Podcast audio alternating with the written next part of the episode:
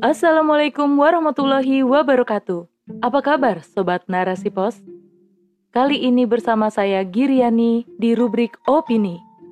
Narasipos.com Cerdas dalam literasi media, bijak menangkap peristiwa kunci.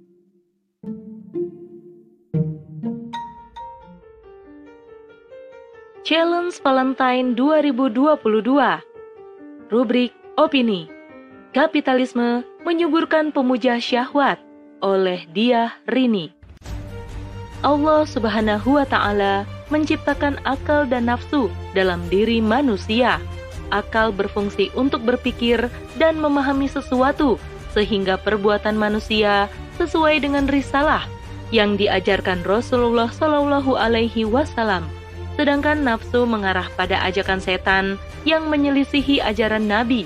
Karena itu, Allah Subhanahu wa Ta'ala memberikan kedudukan manusia melebihi malaikat jika bisa mengendalikan hawa nafsunya. Karena malaikat tidak memiliki nafsu, maka wajar makhluk ciptaan Allah ini senantiasa tunduk dan patuh terhadap semua perintah Allah Subhanahu wa Ta'ala. Namun, dalam ideologi kapitalisme, tidak memberi ruang pada akal untuk berjalan pada fitrahnya, justru memberi kesempatan untuk memuaskan nafsu dengan menjunjung tinggi kenikmatan jasa dia.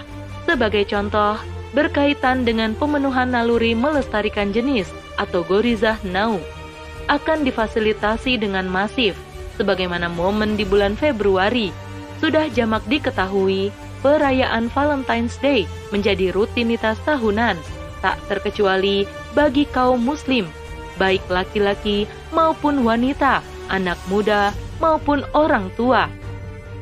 Promosi tentang apa-apa yang terkait dengan perayaan V-Days, seperti coklat, rangkaian bunga, pernak-pernik berbentuk hati, dan sebagainya, memang sangat masif digencarkan. Hingga tanpa disadari, kaum muslim terseret untuk melakukan perbuatan tasyabuh atau menyerupai suatu kaum perbuatan yang dengan tegas dilarang oleh Rasulullah Shallallahu Alaihi Wasallam, sebagaimana sabda beliau, barang siapa menyerupai suatu kaum, maka ia bagian dari mereka. Hadis riwayat Muslim. Sebagian besar kaum Muslim tidak memahami kalau V-Day adalah perayaan yang tidak ada tuntunannya dalam Islam. Mereka kadung termakan dengan jargon hari kasih sayang seolah hal itu memang tidak bertentangan dengan Islam, karena dalam Islam berkasih sayang dengan sesama sangat dianjurkan. Namun ternyata jika ditelisik, perayaan V-Day berasal dari kebudayaan pagan Romawi yang sangat memuja kenikmatan badaniah. Dahulu dikenal dengan perayaan memuja Lupercalia atau dewa kesuburan dan Dewi Juno atau dewi pernikahan dan kesuburan. Karena inti perayaan adalah perayaan kesuburan, maka aktivitas seksual menjadi menu atau hidangannya. Dalam versi yang lain, sejarah Valentine's Day konon untuk mengenang pendeta Santa Valentine yang dihukum pancung oleh Kaisar Claudius II karena menikahkan tentara Romawi dengan gadis pujaannya. Padahal ada larangan keras dari Kaisar Claudius II bagi para tentara Romawi untuk menikah karena mereka disiapkan untuk berperang membawa nama harum negara.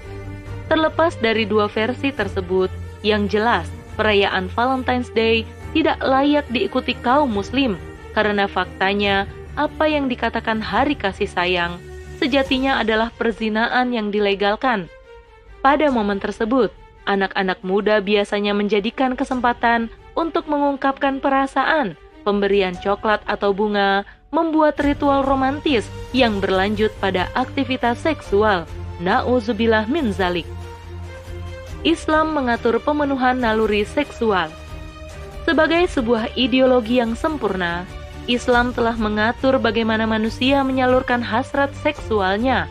Islam tidak mengekangnya, pun tidak mengumbarnya. Dorongan seksual adalah salah satu penampakan dari naluri melestarikan jenis atau gorizah nau yang merupakan fitrah dari penciptaan manusia. Penampakan yang lain adalah rasa kasih sayang terhadap istri, suami, anak, cucu, dan sebagainya. Dalam Islam, gorizah nau secara mutlak hanya bisa dipenuhi lewat ikatan pernikahan saja. Pemenuhan di luar itu adalah aktivitas zina yang akan dikenakan sanksi had, yakni hukuman yang sudah ditentukan kadarnya oleh syara. Bagi mereka yang sudah menikah atau mukson, dikenakan sanksi rajam, sedangkan bagi mereka yang belum menikah atau ghairu mukson, dikenakan hukuman jilid atau cambuk 100 kali dan diasingkan. Selain itu, sistem pergaulan antara laki-laki dan perempuan dibuat sedemikian rupa sehingga tidak ada celah bagi rakyat untuk bermaksiat, seperti pemisahan laki-laki dan wanita dalam kehidupan umum atau invisol, kewajiban menundukkan pandangan bagi laki-laki maupun wanita, menutup aurat secara sempurna bagi wanita, dan sebagainya. Jelas negara tidak akan memberi kesempatan dan tidak memfasilitasi perzinaan. Berbeda dengan ideologi kapitalisme dengan akidah sekulernya, yaitu memisahkan agama dari kehidupan, justru menyuburkan pemuja syahwat. Selain tidak adanya hukuman yang tegas dan membekas atau aspek jera, negara pun turut memfasilitasi lewat para konglomerat yang melirik ladang bisnis yang keuntungannya fantastis, yakni komoditas coklat, perusahaan jasa perhotelan, kafe, tempat hiburan, dan sebagainya. Maka, sudah saatnya mengubur ideologi fasad tersebut dalam-dalam dan bersiap menyongsong kembalinya ideologi Islam yang akan mengatur semua urusan manusia sesuai dengan fitrahnya, memuaskan akal, dan memberi ketenangan jiwa. Wallahu a'lam bishawab.